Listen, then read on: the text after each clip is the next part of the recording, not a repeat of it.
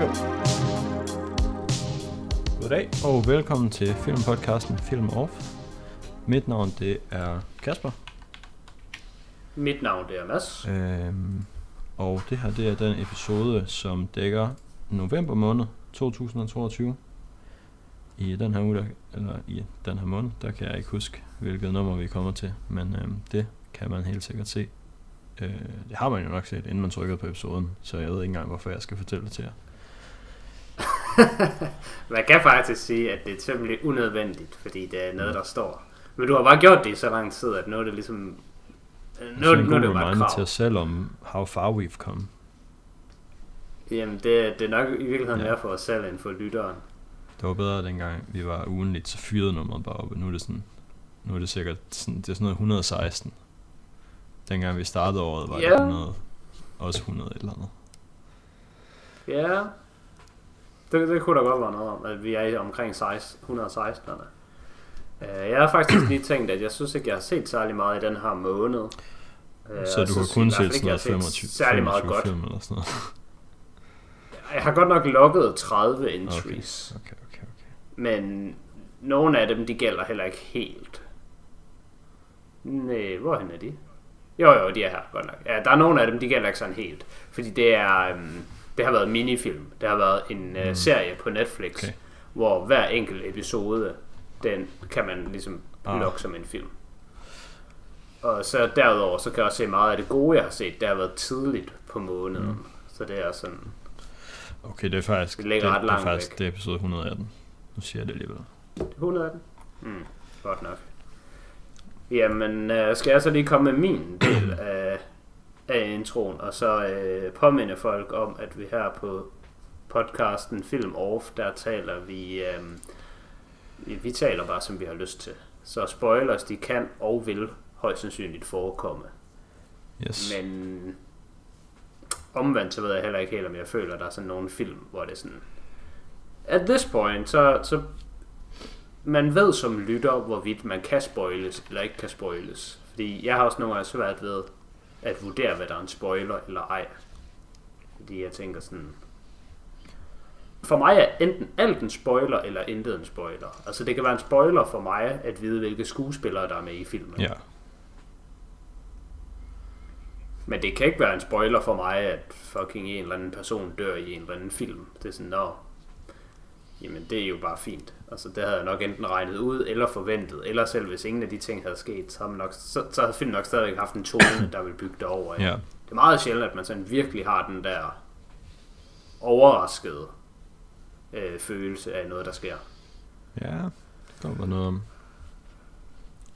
Øhm, med det sagt, hvor mange øh, film har du så? Du har jo Øhm, også en serie, ved jeg, men måske mere end en. Jamen, jeg har øh, fem film, tror jeg. Og så sådan en øh, miniserie og en rigtig serie. Ja, Og den, jeg kunne faktisk godt tænke mig bare at starte med, øh, med Better Call Saul. det kan vi sagtens. Øhm, Den har du jo øh, nyligt fået set der. jeg havde lige det sidste intro her, jeg vil lige sådan... Jeg vil ikke undskylde for det nødvendigvis, men jeg vil bare lige pointere, at øh, podcasten er jo lidt forsinket, fordi at øh, vi sidder her og optager den 30. og den sidste torsdag i den her måned, det var jo sådan set den 24. Og øh, du vil blive spurgt ind til, hvorfor at vi ikke var udkommet endnu af en af vores lyttere. Øh, og der fik du jo sagt det meget pænt, at øh, det var fordi, hvis vi havde udgivet den allerede i torsdags, så var november-episoden, der havde dækket en ret kort periode, og vores december-episode ville så komme til at dække en meget lang periode, fordi at det, lige, det var lige over den måde, det passede og den Ja, lige torsdag faldt i måneden. Men øh, Ja. var det ikke bare fordi, at vi ikke lige havde fået koordineret? Nej, altså det var egentlig... Jeg var inde og kigge på, hvornår vi skulle optage. Og så synes jeg både, at jeg havde set ret lidt i den Mm. her måned. Så der tænkte jeg sådan, hvorfor, hvorfor fanden har jeg set så fucking lidt? Og så var det, jeg gik ind og kiggede på datorerne, og så kunne jeg ligesom tælle mig frem til, at okay, men så bliver øh, november bare fire uger, og december bliver seks Ja, okay. uger, i stedet for at gøre det fem. Okay, jeg er glad, jeg er jeg glad havde for, faktisk at jeg kigge på det. over fordi jeg var bare sådan, okay, så kiggede jeg lige på datoen på et tidspunkt, og så var jeg sådan, åh oh, fuck, vi skulle sgu da optaget, og så havde vi ikke noget af det. Ej, Så det er godt, der, Ja, det er, godt, der er jeg- en jeg af os, der styr på øh, det. jeg havde styr på det, fordi jeg er nemlig op til flere ting, øh, serier, jeg gerne vil have set færdige. Øh, og jeg har ikke nået dem alle sammen, øh, fordi vi startede på nogle andre serier ind imellem, og så er det simpelthen lidt prioriteret over. Og så, Godt nok. så har jeg ikke haft, øh, haft tid til at få afsluttet det hele. Og jeg har heller ikke noget at afslutte.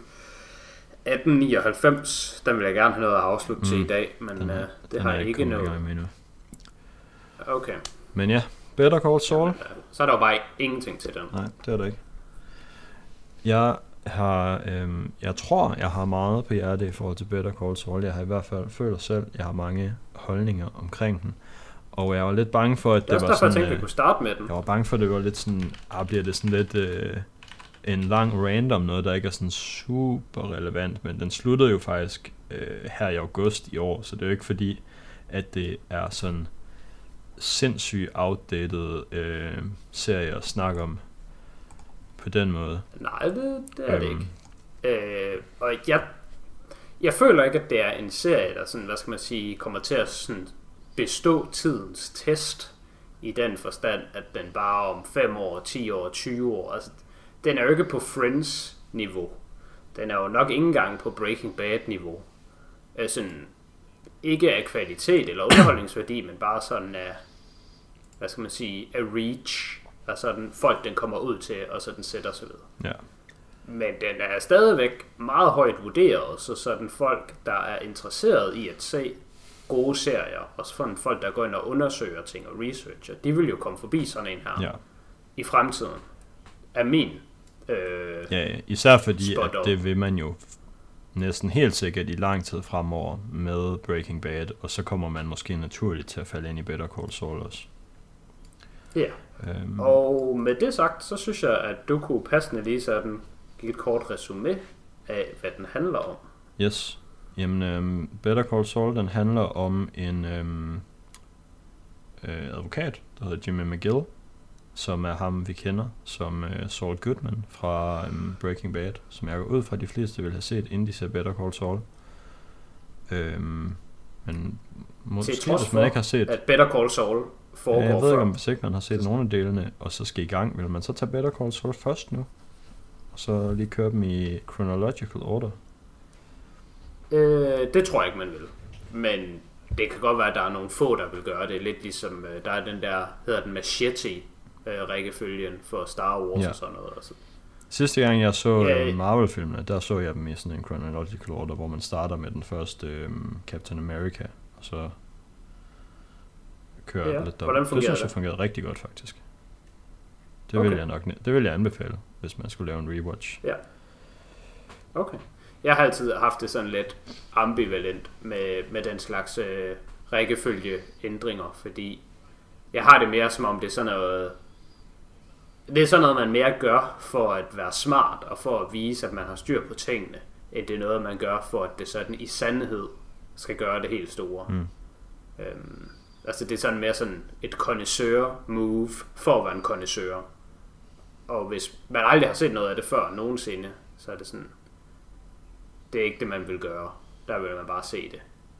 Øh, sådan, der, jeg tror, en, der ikke ved noget, de vil bare sige, okay, nu ser jeg Iron Man 1, 2, 3, 4, så ser jeg Thor 1, 2, 3, så ser jeg, altså man ser bare den individuelle, og så Ja, færdig. det synes jeg vil være aktivt dårligt. Okay, det, det forestiller jeg mig næsten er det mest almindelige at gøre. Øh, og det kan du godt have ret i, det er lidt noget fjollet noget. Fordi der er nogle af filmene, hvor der foregår ting ind imellem hinanden. Ja. Så ja. Men nok om det. Nok om det.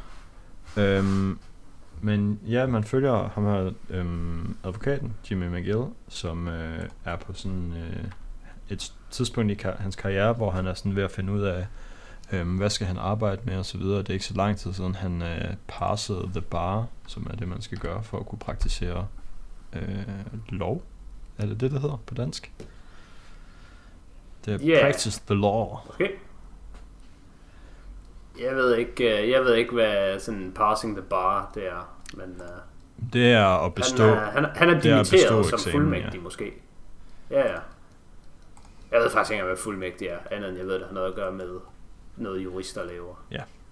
Øhm, og så øh, får, er der sådan forskellige indflydelser på ham øh, i form af en, en af hans tidligere kollegaer, øhm, som hedder Kim Wexler, som prøver at få ham til at arbejde med nogle bestemte ting, og prøver at trække ham i en, øh, en god retning, og øhm, hans bror, som også øhm, prøver at have noget positiv indflydelse på ham, men, og Jimmy han er sådan lidt en grifter. Den, han er først blevet uddannet her i sine gamle dage, fordi at, eller, ikke gamle, jeg ved ikke, hvor gammel han skal forestille at være i starten af den her serie, det er sådan lidt, det er sådan lidt flydende, fordi det er en prequel, men skuespilleren er ældre, end han var i Breaking Bad, så who knows. Øhm, og så bliver han bare øh, rodet ind i nogle forskellige ting og sager. Øhm, han er sådan en, han laver nogle ting, hvor man sådan, sådan noget public defender, hvor man skal forsvare kriminelle. Og så bliver han lidt rodet ind i nogle sager med nogle folk, man ikke har lyst til at være rodet ind i nogle sager med. Og så handler den om det, Ja, og med hans der er forhold jo til øh, forskellige nogle, karakterer. øh, der er jo nogle, hvad hedder det, øh, karakterer fra Breaking Bad, man kommer til at møde her Ja, det er rigtigt. Øh, Der binder den lidt sammen. ja, og de mest, de vigtigste af dem, man kender, det er selvfølgelig Saul eller Jimmy selv, og så er det Mike Ehrmantraut, som er sådan en, han er sådan en fixer. Øhm, Han er en, øh, han er en private investigator. Tror jeg, hans, øh, hans øh, tidligere, hvad hedder det? Hans tidligere profession. Han var øh, politimand, og så blev han PI, og nu er han jo selvfølgelig, ja, som du siger, en fixer for øh, Gus Fring og hans... ja, Men jeg synes faktisk bare, du skal have lov til at bare... øh, Du kan bare tale. Du kan skyde fra hoften. ja, jeg er jo... Øh, normalt, når jeg taler Better Call Saul mm. med Mhm. folk, så er det altid sådan, hvem synes man er nice, hvem synes man er mest nice, hvem er din sådan top 3 og sådan noget, men øh, jeg kunne godt forestille mig, at dialogen med dig, den vil, den vil ikke bare være bygget omkring karakterer. Så Jamen, altså, jeg, jeg er jo en uh, on the record uh, Breaking Bad unenjoyer. Jeg synes ikke, det er en good time at se Breaking Bad. Uh, og det, som jeg synes var lidt redeeming factors i de senere sæsoner af Breaking Bad, det var, at jeg synes Saul Goodman var nice, og jeg synes Mike var nice. Og så fik jeg at vide, at det er jo bare dem, der er med i... Altså det har der nok været andre, der har haft den holdning også, eftersom det er de karakterer, de har valgt at lave en spin-off med. Men øh, så fik jeg at vide, at så skulle jeg se Better Call Saul. Og så gik der mange år, fordi Better Call Saul ærede jo første gang i fucking 2015. Og jeg har først lige, jeg har lige set det hele. Jeg har ikke sådan set, set lidt løbende. Øhm, og jeg øh, må skulle bare sige, nu hvor jeg har set det, at jeg synes også, at Better Call Saul er overrated. Øhm, øh, ja, ting kan godt være overrated og stadig Ja. gode. Altså, jeg synes heller ikke, det var en dårlig serie. Men jeg synes måske, det er bare sådan en 7 ud af 10'er. Og den er altså rated 8,9 på IMDb og er i top... Den er på top 37 TV all time. Ja, jeg ved sgu ikke, jeg synes top 37 er højt, fordi det meste af det, der bliver produceret for tv, det bliver jo ikke produceret for at være godt alligevel. Så det er sådan... Men der kan man jo også øh, vente om at sige, synes du, øhm, altså, synes du Friends er bedre end Better Call Saul? Fordi det er to, der er ret, det er to ting, der er ret svære at sammenligne. Øh. Altså, det synes jeg for det første slet ikke, fordi Friends er en fucking dåselatter-serie, og hvis der er noget, jeg ikke kan holde ud, så er det fucking dåselatter. Øh, men Friends er jo også kun på nummer 48 med 8,8, så det er lidt dårligere rated end uh, Better Call Saul også. Ja, men det, der er sådan lidt, det synes jeg er svært at sammenligne, hvorimod i filmverdenen, der er det sådan, den type film, som Friends er, altså sådan comedy, lighthearted, det vil jo bare aldrig nogensinde være sådan på listen overhovedet. Nej. Så det er lidt som om, at sådan, når, når det er tv-serier, så ratings generelt, de bliver meget mere flydende. Men på en måde bliver det også bedre ved, at ting bliver bare rated ud fra, hvad var mest en fornøjelse at se. Mm. Og sådan føler jeg ikke, film bliver rated. Folk de er bare sådan, om Hvis ikke, at den er et eller andet helt specielt, eller hvis ikke den bevæger dig. Altså, der, der er meget højere sådan bare et clear for en film. Ja. Hvorimod, altså, hvis, hvis The Office kan få dig til at se den 50 gange, så, så er det jo bare en 10 ud af 10. Mm. Men en film, du har set 50 gange, den er man sådan, åh, oh, jeg kan helt vildt godt lide uh, uh, Bridget Jones' Diary. 7 ud af 10. Og jeg har set den hver år resten af mit liv forresten. Mm. Men så skal den jo være en fucking 10 ud af 10, hvis du ser den hver år. Ja. Øhm, og jeg har tænkt over, hvorfor jeg øh, ikke så godt kan lide øhm, Better Call Saul. På trods af, at øhm, jeg troede, jeg godt kunne lide de karakterer, der var med. Og jeg tror sgu bare, det er fordi, at hen mod slutningen, der kan jeg...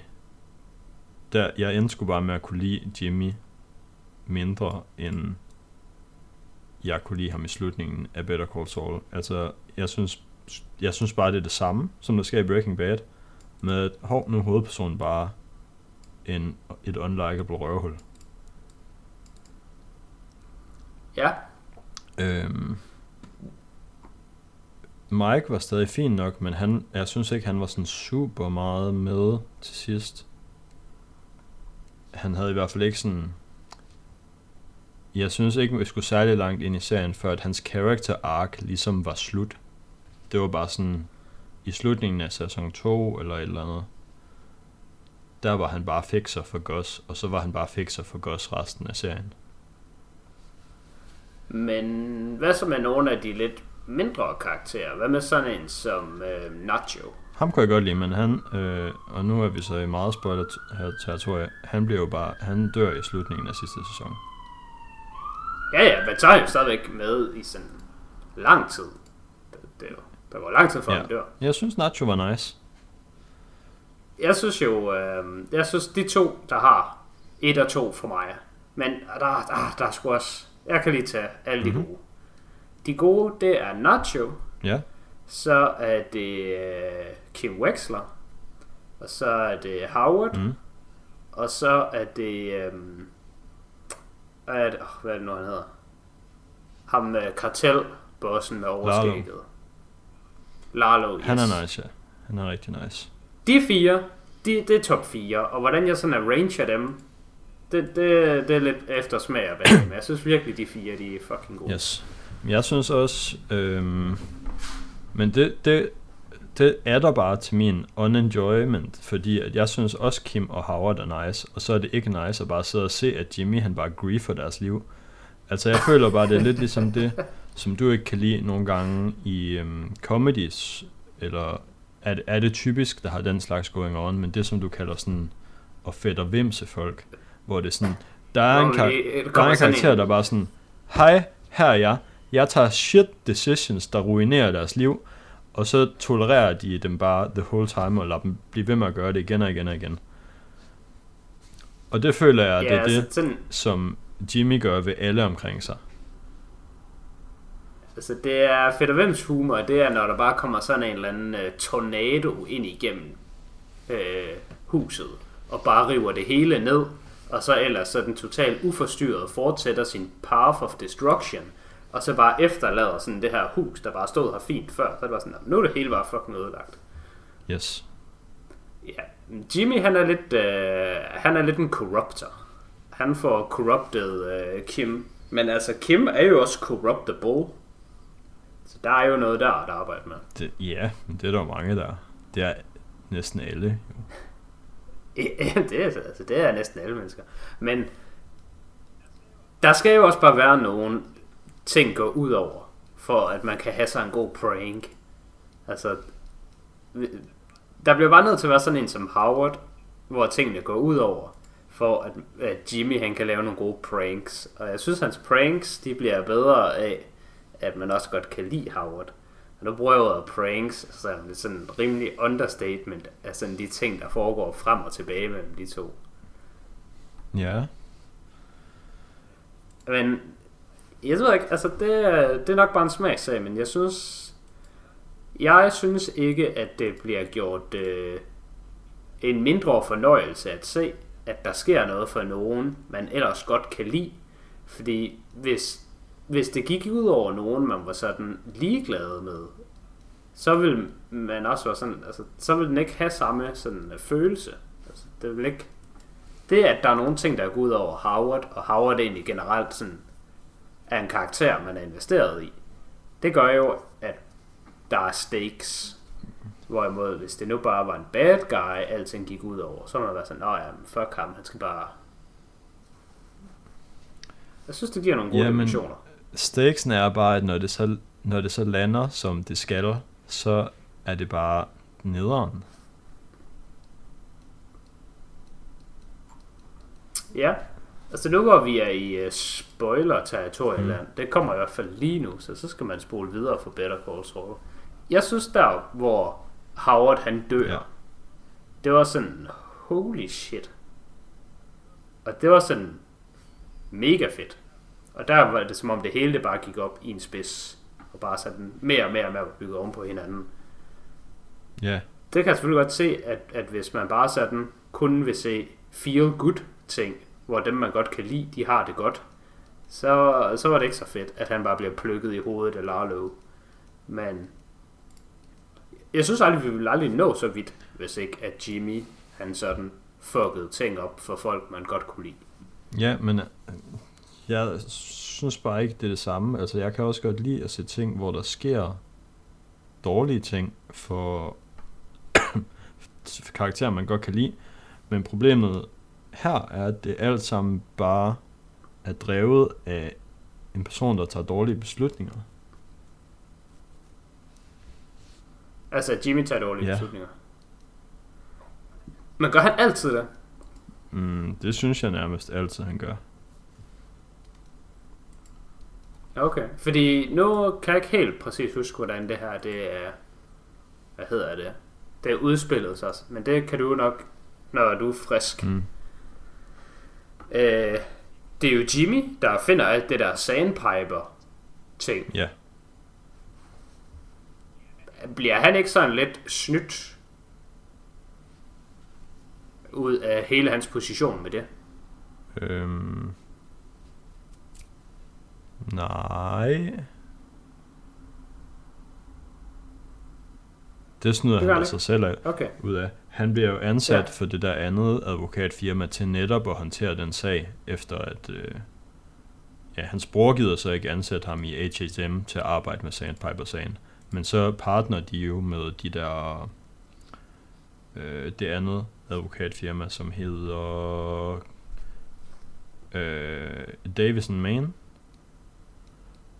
Hvor at de Ja. bare fucking bender over backwards for at øhm, få ham til at synes, at det er nice at arbejde der. Han får en bil, han får det der fucking 8.000 dollars desk til hans kontor. Han har ham der øhm, assistenten, som er super nice. Og det, der griefer han bare sig selv, fordi han ikke gider være der. Ja, det er rigtigt. Der er han sådan, Og det, der arbejder han jo tingene går for smooth med for. Sandpiper-sagen, som er hans sag. Ja. Ja, men måske. Men hvad så med, hvad så med? Det her, det er jo det, jeg synes, noget af det, der holder. De to ting, jeg synes, der holder øh, serien kørende rigtig godt. Det ene, det er sådan, der er helt vildt mange side characters, hvor at alle sammen er virkelig fede. Altså, nu har jeg jo lige nævnt fire af dem, og Mike er selvfølgelig også en af dem. Men altså, når sådan en som ham ligger så langt nede, og jeg synes også godt er ret fed. Altså, generelt synes jeg, der er virkelig mange, der er fede. Så alle de der side characters, det holder det hele op.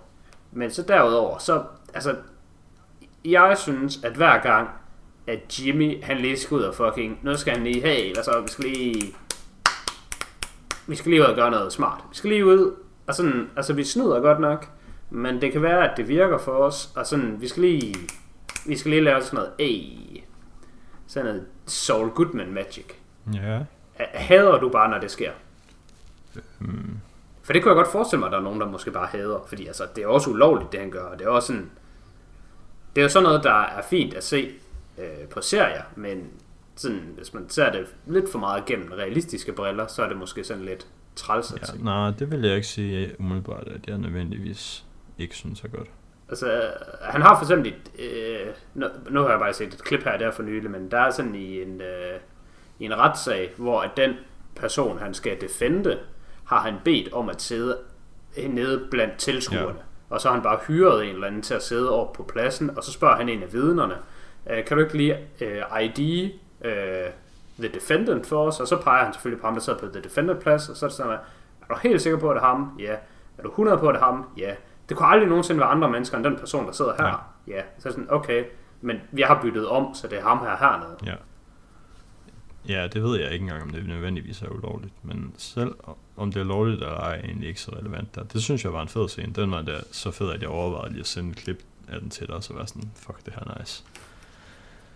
Jamen, det er mega fedt, og, er, jeg synes ikke, det er sådan det Der er det samme øh, i der, hvor han øh, har en sag mod øh, Chuck, hvor han har lige gemt det der Ja. batteri på ham.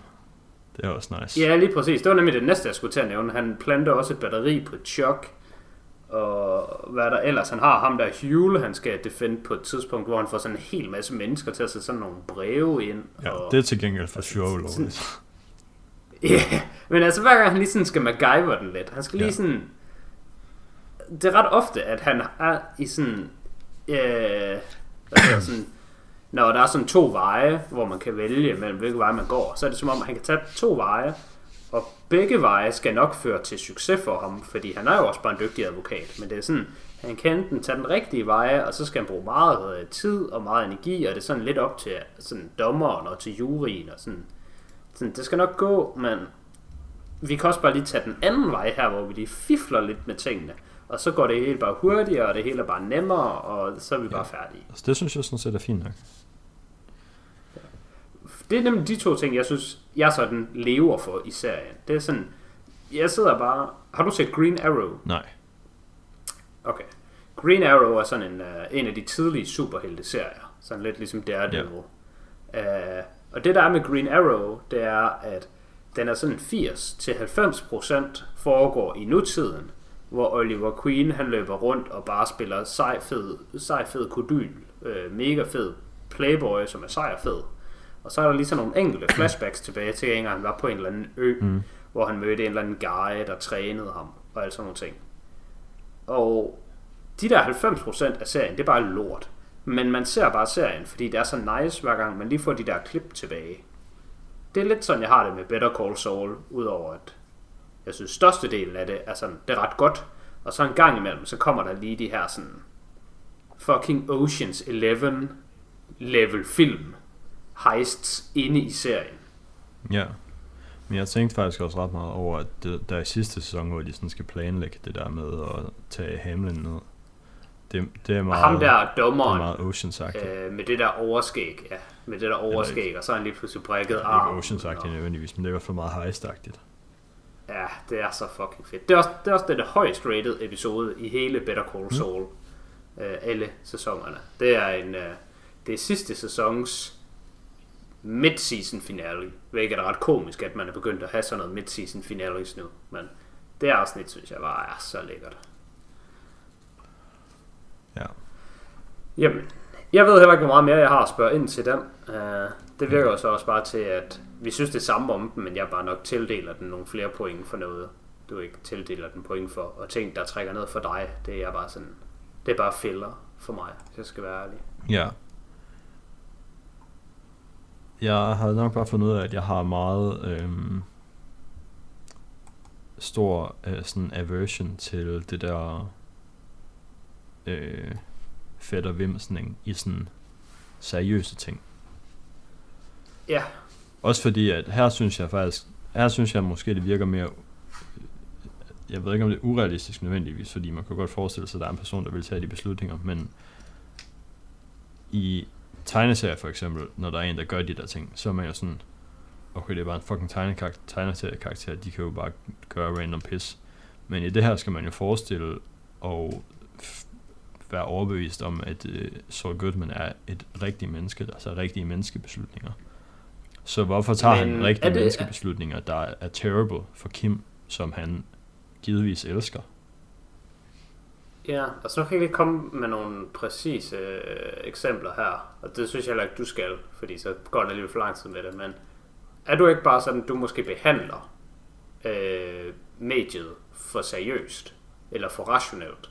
Jeg kan ikke huske præcis, hvordan quoten er, men det er sådan et eller andet med, at øh, det er sværere at skrive fiktion, end det er at skrive ikke-fiktion. Fordi når folk de ser fiktion, så har de en forventning om, at alting skal give mening. Men i virkeligheden giver alting bare ikke mening. Nej, det er rigtigt. Jeg, jeg synes i hvert fald, at der er nogen...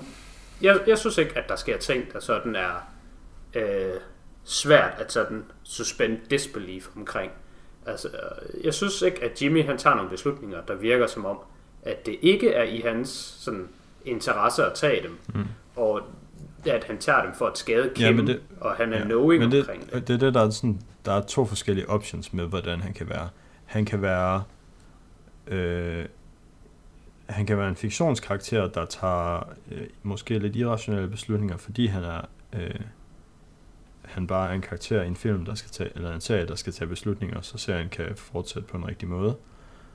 Eller han kan bare være, øh, eller, ja, og den første måde, den kan jeg jo ikke lide at sådan, ligesom forestille mig karakter er, fordi at så skal man jo ligesom være sådan, okay, men det er en serie, jeg sidder og ser, folk opfører sig som folk, der er med i en serie. Eller han kan være bare en unlikable karakter, der tager dårlige beslutninger, fordi at han er et røvhul. Og hvis det er yeah. det, der er tilfældet, så øhm, har jeg bare svært ved at engagere mig i det, fordi så er jeg ikke interesseret i den karakter. Jeg synes, at det er mere nummer to, der gør sig gældende. Men ikke så meget det, at han er et røvhul, men mere bare det, at han han, tager nogle, han, han lever livet på sine vilkår. Ja. Det er mere det. Men så kan jeg bare ikke få mig selv til at give en fuck for ham. Nej, men det, det er vel også fair nok. Sådan kunne man også godt have det i virkeligheden. At hvis der er nogen, der fucking får serveret et eller andet for sig, og her, værsgo, nu går det godt for dig, og de så sådan, nej, mm. så vil jeg hellere have det godt dårligt for mig på mine egne vilkår, som sådan et, okay, så er det jo bare en spasser. Ja. Tag nu bare imod, at du har været heldig, og nu går tingene godt. Yes, med det sagt, så har jeg et par serier, jeg gerne vil tale mm. om. Og det skal nok øh, holde kortere end ja. en halv time. Jeg kan sige, at jeg har set en øh, miniserie, eller en dokumentarserie, man skal sige. Den har fire afsnit på Netflix, der var en time stykket, så det kunne også bare være en fire timers film måske. Ja. Den hedder Pepsi, Where's My Jet? var de ikke sådan den handler om... 45 minutter? Uh, okay, det må godt være. Ja, der er vist nogen, der er en time, og måske nogen, der er 45. Men uh, den var præcis det, jeg regnede med. Den var sådan en rigtig Pepsi, Where's My Jet Netflix amerikansk dokumentar, fordi den handler om, at tilbage i 90'erne, der var der en Pepsi-kampagne, der sagde, at man kunne vinde mm. øh, den at købe en øh, Harrier Jet for 7 millioner point, og så alt muligt andet, man kunne købe for 10 point og 100 point. Så. Og så var det så meningen, at øh, det var en joke, og der var sådan en, der tog det seriøst, og var sådan, jeg skal fucking have de 7 millioner point, og jeg skal æde med at have den jet.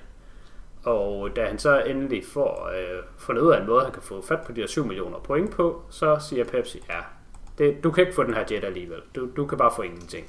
Og så kommer der ligesom et lawsuit ud af det, og noget frem og tilbage. Og jeg synes, det er en meget amerikansk historie, mm. fortalt på en meget amerikaniseret dokumentar-style måde, hvilket vil sige, det er sådan, det er underholdende, og det er sådan interessant på sådan en, hvad skal man sige, det er jo ikke interessant, men det er en interessant ting alligevel måde.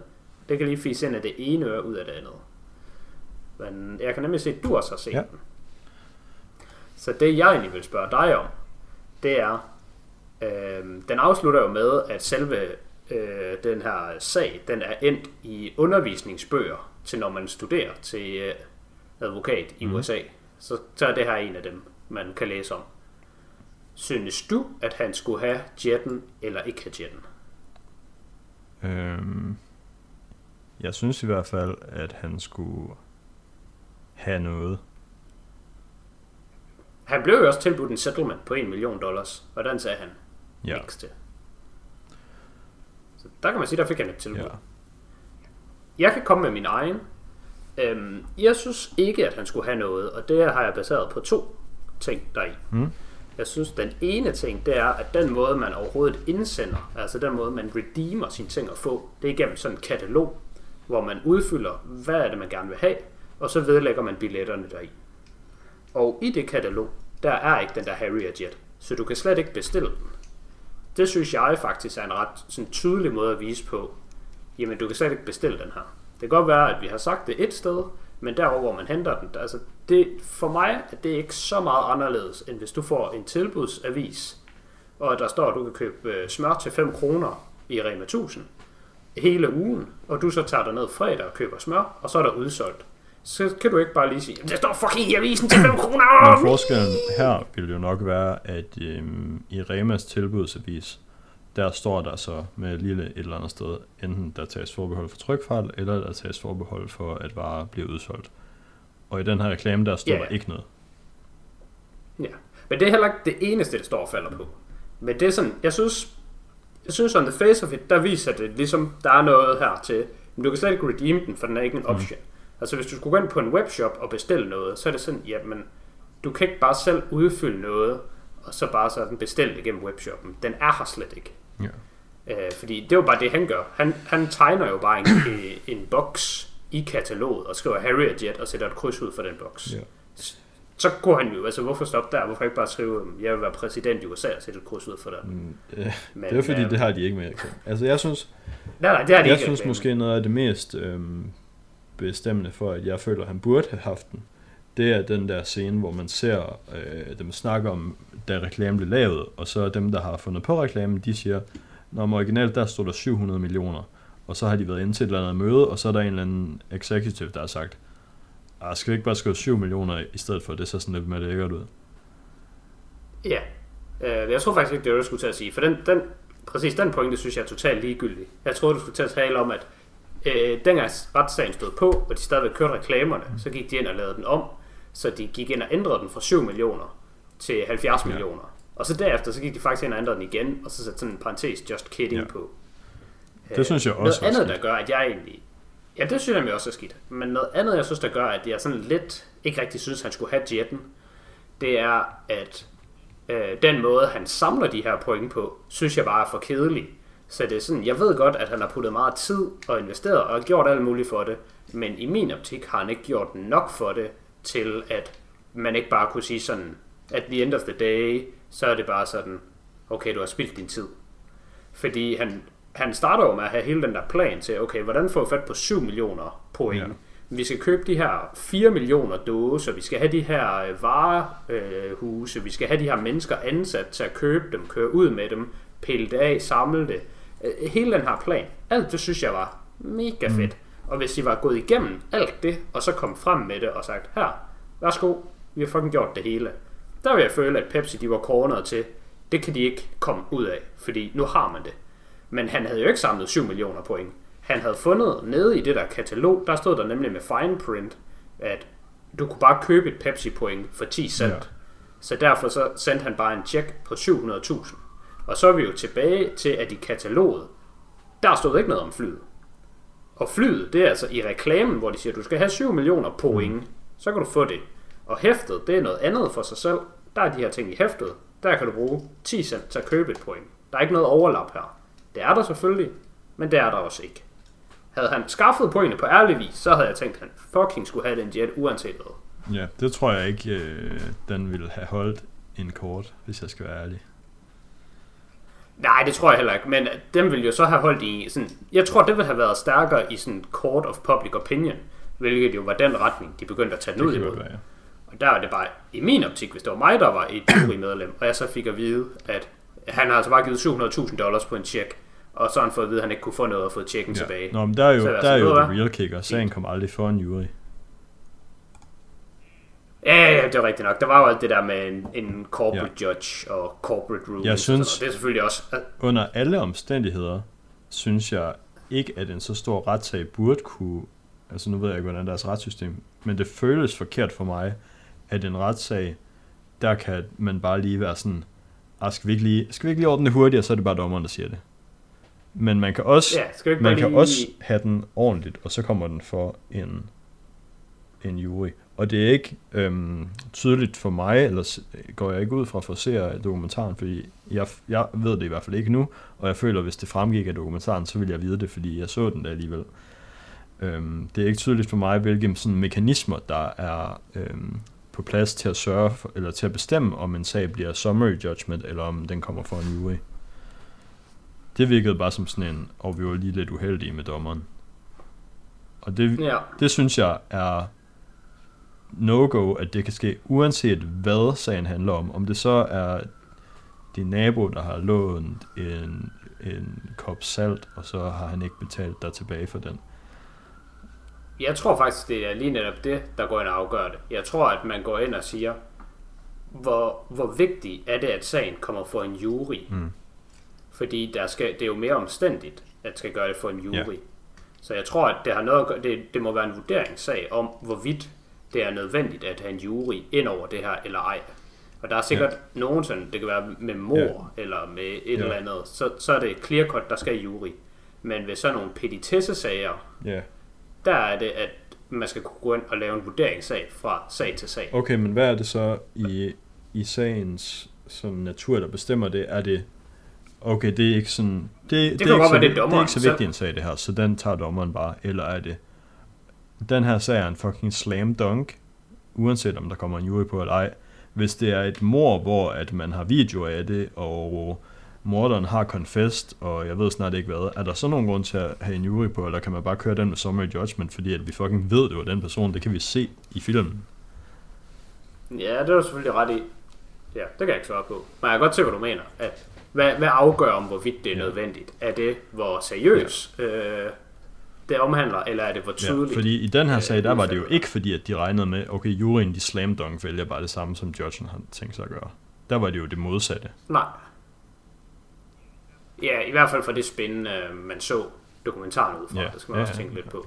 Men du, du har ret i, at det var i hvert fald en, en sag, der kunne øh, udspille sig noget mere, end bare en dommer, der bare tager en, en sag Mm. alene.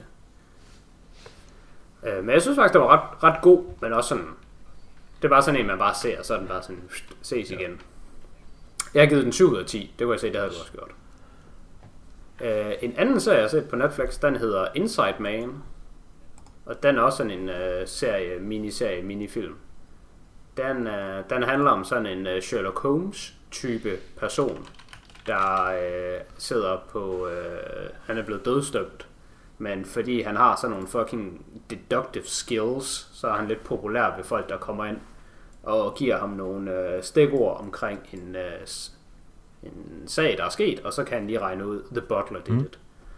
Og den er sådan set fed nok, og den er præcis som jeg lige beskrev den, men nogle gange så går den godt nok lige lidt over sådan meget sådan Sherlock Holmes-agtig, altså den måde ham øh, øh, Inside Man, det er så ham der er Death Row Detective, den måde han taler på er nogle gange bare sådan lidt Well, you gave me all the needed clues and then I just took my resources and I just adjusted accordingly and I did some things and some shimmery-do and altså nogle gange så bliver det godt nok sådan han bare sådan øh, det bliver sgu godt nok lidt for meget 200 IQ Ja, okay. word salad mm. men udover det synes jeg faktisk det var sådan det var sådan ganske fint men hvis man har set den og gerne vil have mere eller hvis man har set trailer og tænker det kunne være noget der eller lige hørt mit summary synes det var sådan interessant så synes jeg i stedet for, at man skal se noget, øh, den er på Apple Plus, der hedder Defending Jacob. For den er sådan lidt det samme med at der sker en, en ting, og så skal man finde ud af, hvordan tingene hænger sammen. Men Defending Jacob er bare sådan virkelig god. Og den her er sådan... Den er sådan fin, men den er også sådan lidt, hold nu kæft med det der fucking pis, du sidder og fyrer af nogle gange. Mm. Ja, okay. Det, det er ikke en, du har haft set på forsiden af noget fra Netflix eller et eller andet. Det virker Nej. som om, du slet ikke ved. Ja. Den er ny, så jeg tænkte, det kunne være, at du havde haft den eyeballet ja. den lidt. Det har jeg ikke lige, nej. Den er, den er fin. Jeg har givet den 7 ud af 10, og det var sådan lidt gavmild, men fin. Fin, fin. Yes. Uh, Så har jeg en sidste serie. Nej, det er løgn. Jeg har to serier Ja. mere. Øhm, den ene serie, det er Star Wars Clone Wars, som jeg lige er blevet færdig med at se sæson Mhm. 1 af. Og den synes jeg faktisk er ret god. Ja. Jeg vil gå så langt at sige, at jeg synes måske, det er noget af det bedre Star Wars, jeg har set. Men jeg er bestemt heller ikke en stor Star Wars-fan. Jeg synes, Star Wars er sådan temmelig overrated. Synes sgu, alt Star Wars, det bare... Altså det gamle Star Wars og det originale Star Wars, det er sådan ret godt, og det nye, det er sådan ret dårligt, og overall, så er jeg ret ikke invested i Star Wars-universet. Og det er jeg heller ikke her med den her serie, men jeg synes faktisk, den er, den er sådan, den er ret fed, og jeg kan til din overraskelse kan jeg ret godt lide animationen deri. Mm. Jeg synes, øh, det ser nice ud. Og nu er sæson 1 lige slut, og der kommer ham der, den blå cowboy, jeg tror han hedder Bane. Han er med i de sidste to afsnit. Ham der er også med i Mandalorian. Ja. Ham synes jeg han var ret sej. Så det, her hvor nu var sæson 1 er slut, der var sådan, ah, det begynder at blive rimelig cool det her. Men uh, jeg skal lige have set nogle flere sæsoner. Jeg har også fået at vide, at det bliver bedre med Ja. tiden. Jamen altså, Så jeg har det også hørt set frem gode til. ting om det, så jeg håber da på at få tid til at se det på et tidspunkt. Altså, det går rimelig hurtigt. De var sådan 20 minutter, og det er sådan, man, man kan sgu sådan... Altså, jeg ser det ikke med 100% fokus. Det, det kan være, det er sådan en... Den sætter man lige på, når man sådan... Hvis man er kommet hjem og er sådan lidt træt. Og man vil egentlig gerne se noget, men man kan ikke lige se 1899, fordi det er alligevel serious shit. Mm. Så, så er det sådan noget her, der har fået min opmærksomhed. Ja. Og så derudover, så har jeg set... Øhm, nej, jeg kom faktisk lige i tanke om en serie også, jeg har set. Den har bare ikke lukket, fordi man ikke kan. Men jeg har set Solar Opposites her i november. Ja, det har vi også lige set. Og den sæson vil jeg- ja. Ja, den vil jeg faktisk også sige. Jeg synes, den er på niveau med Rick and Morty, hvis ikke måske bedre. Den havde i hvert fald... Uh, hvis jeg bare sådan sammenligner dem alle sammen en til en, så synes jeg, det bedste individuelle afsnit, jeg har set fra de to serier, det var fra Solar Opposites. Og det er særligt en... Uh, jeg tror særligt, du kan sådan relatere til, hvor nice en, uh, en episode det er. Mm. Fordi vi har øh, oplevet det, som den episode bygger på, sammen. Og det er det at stå i kø til, at en butik åbner. Ja. Og det synes jeg bare, det var fucking grineren at se, det der episode, hvor hvordan der er nogen, der bare sådan står i kø og tager det der med, åh, oh, øh, time out, og så går fucking tæller, hvem der står hvor, og går sådan der, og der var en eller anden, der gik med sådan en fucking tus, og fucking gik og tegnede, øh, hvad hedder det, sådan tal på, nummereret os hele vejen op, og stod og talte med nogle andre, der var sådan nogle professionelle stå i kø mennesker der, og ja, det var sådan, jeg var jo ved Elgigantens åbning øh, tidligere i sommer, og der var altså også nogen, der snød, og sådan, det synes jeg bare, det var fucking sjovt. Det var meget sjovt, ja. Ja, vi har jo også både Ja, været til også. Power-åbning og til Carl's Jr.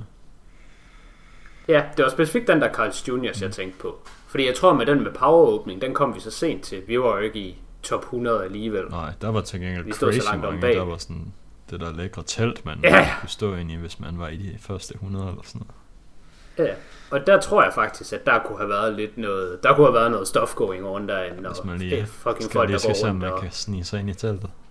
ja, og sådan noget folk, der går rundt og giver armbånd og sådan noget. Hey, det skal være det her armbånd, man har på, ellers skal man ikke komme ind. Og sådan. Det synes jeg er rimelig komisk. Ja. Og jeg tror, det bedste Rick and Morty afsnit, jeg har set indtil videre, det, var, det er faktisk det næsten nyeste. Det er nummer 7. Jeg har ikke set de Øh, to det er det, seneste, der- faktisk. Så det har jeg ikke set endnu.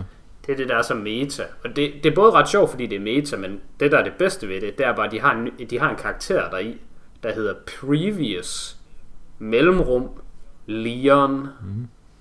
Men når man bare udtaler hans navn hurtigt, så lyder det bare som Previously Mm. On. Og det er ret sjovt. det må jeg indrømme. Det er fandme en god pun. Og han er så en del af et gang, der har noget at gøre med alle mulige uh, tv-serie tropes, ja. hvor han så er Previously On. Og så er der en, der hedder noget, nogle andre ting. Men der er slet ikke noget, der er på samme niveau som Previous Leon. Previous Leon, det er fucking... Jeg føler næsten, de har bare fundet på det navn. Og så har de bare lavet en episode rundt om det, for at få en karakter med ja. det navn ind. Det føler jeg nogle Og det gange, har jeg fuld respekt for. gange, de gør. Det har jeg fuld respekt for. Jeg synes Previous Leon, det er et genialt navn. Så den uh, sidste serie, jeg lige vil slutte af med. Ja. Det er den, der hedder uh, The Cabinet of Curiosities Mhm. på Netflix. Um, og det er sådan, den er lidt ligesom uh, sådan noget Black Mirror, eller den der Love, Death, Robots, hvor at der er et uh, koncept, Mm. og så er der ligesom forskellige filmhold, og nok ikke forskellige produ- produktionsselskaber, men det bliver ligesom delt ud til hver især. Det er, hvad er det nu, ham instruktøren hedder? Benicio. Nej, Guillermo del Toro. Yes. Det er ligesom hans, skal man sådan sige, øhm, overordnede projekt, men så har han så bare uddelegeret hver øh, afsnit til nogle andre øh, instruktører, Yes. og så kan de ligesom stå for Det er det. det, man kalder en anthology Og- series. Yes. Og øhm, der er nogen, der jeg synes, der er... Der er særlig en, der jeg synes er virkelig, virkelig god. Den bør man se. Og så er der nogen, der jo er sådan... Øh, de, de er nok ikke så gode. Men omvendt, de var også 40 minutter, så det er sådan... 3 ud af 10, 40 minutter. Who cares that much? Men øh, jeg vil faktisk anbefale, at man ser... Øh, jeg mener, det er toeren. Eller er det treeren, der i? Oh, nu skal jeg lige tænke mig om. Øh, det er den, der hedder... Og hvorfor er den ikke heroppe? Den burde være heroppe i min top, for jeg havde givet den højt. Hmm. Er det fordi, jeg måske har set den i slutningen af oktober, så er den ikke lige kommet med? Det var det irriterende. Nu sidder jeg bare her og stopler. Mm. Nå. Nummer 1, 2 og 3. Det synes jeg er de tre bedste. Hvor mange er der? Øh, okay. 8. Og jeg synes godt, at man kan se dem alle sammen, men man kan også bare se nummer 1, 2 og 3. Ja. Alright. Og der er ikke noget med den, som der er med uh, Love, Death, Robots, hvor tingene er sådan i forskellige rækkefølge, afhængig af, hvem man er og sådan noget. Så man kan bare se 1, 2, 3. Der er ikke noget snyd her. Jeg så lige, jeg kan ikke huske, om det var på Netflix faktisk, men der kom en eller anden serie med, også med ham der, Giancarlo Esposito, tror jeg faktisk, som er ham, der spiller Gus Fring. Um, men oh. han skulle være med i en eller anden serie, der kommer her inden så længe, hvor at um, man kan se den i en hvilken som helst rækkefølge. Mm. Altså det er sådan, den hænger stadigvæk sammen. Det er ikke en anthology-serie. Alle episoderne er i samme serie, men man kan se dem i hvilken som helst rækkefølge, bortset fra, at der er en specifik, den skal man se sidst. Det lyder meget interessant. Jeg har fundet at den hedder The Autopsy. Den der er den bedste af dem. Mm. Det er nummer tre. Den er meget god. Det var, det var det, jeg har set på serier. Yes. Så er vi øh, også øh, så er vi 50 minutter inde i øh, filmpodcastet Film Off, og så kan vi komme i gang med at snakke om nogle film. Jeg har, nu siger jeg famøst, inden vi går i gang, så siger jeg, jeg har heller ikke så meget at sige til film, men øh, det kunne jo det kunne jo snilt være forkert. Jeg kan lige starte med at bare tage lortefilmene. For jeg har set 1, 2, 3, 4, 5 film, der bare er, de kan bare get out. Uh, og den ene der er The Woman King. Ja. Fuck den lortefilm, den er bare ring. 1 ud af 10. Det er bare noget lort. Det det er. Fuck den. Det er jo også... og den går ud for, Den har jeg ikke set, nej. Den var ellers... Det var, kunne man jo godt lige have set i biografen, og nu det er free. Men ja. øhm, det vil du heller ikke gøre. Hvis du kunne se den gratis eller lade være, så er det bedre at lade være. Man skulle bare fuck det. Det skulle bare, det skulle bare pandering for sorte mennesker, og jeg er ikke et sort menneske, så den bliver, der er ikke noget pandering for mig, så jeg synes bare, det er ligegyldigt. Ja. Men altså, hvis jeg nu var et sort menneske, kunne jeg i USA nok, ja. primært amerikansk sorte menneske, så kunne det være, at jeg synes, det var mega fedt at være sådan Den er jo vist også lidt uh, sådan uh, glorifying de der personer, som det handler om, fordi ja. de var vist, de det er den de, for sure. Øh, det er jo de der, det er de der kvindelige krigere, men når de havde haft nogle kampe i virkeligheden, i det, de virkelige, de, den er baseret på, så øh, alle de sådan overlevende, dem solgte de som slaver, så de var bare slavehandlere. Yes. Ja, ja. Nå, men det, er jo, det er jo den klassiske om igen. Det er jo bare sådan, om hvide mennesker skal jo bare føle skyld over at have sorte slaver, men sorte havde også sorte slaver og hvide har også hvide slaver. Ja.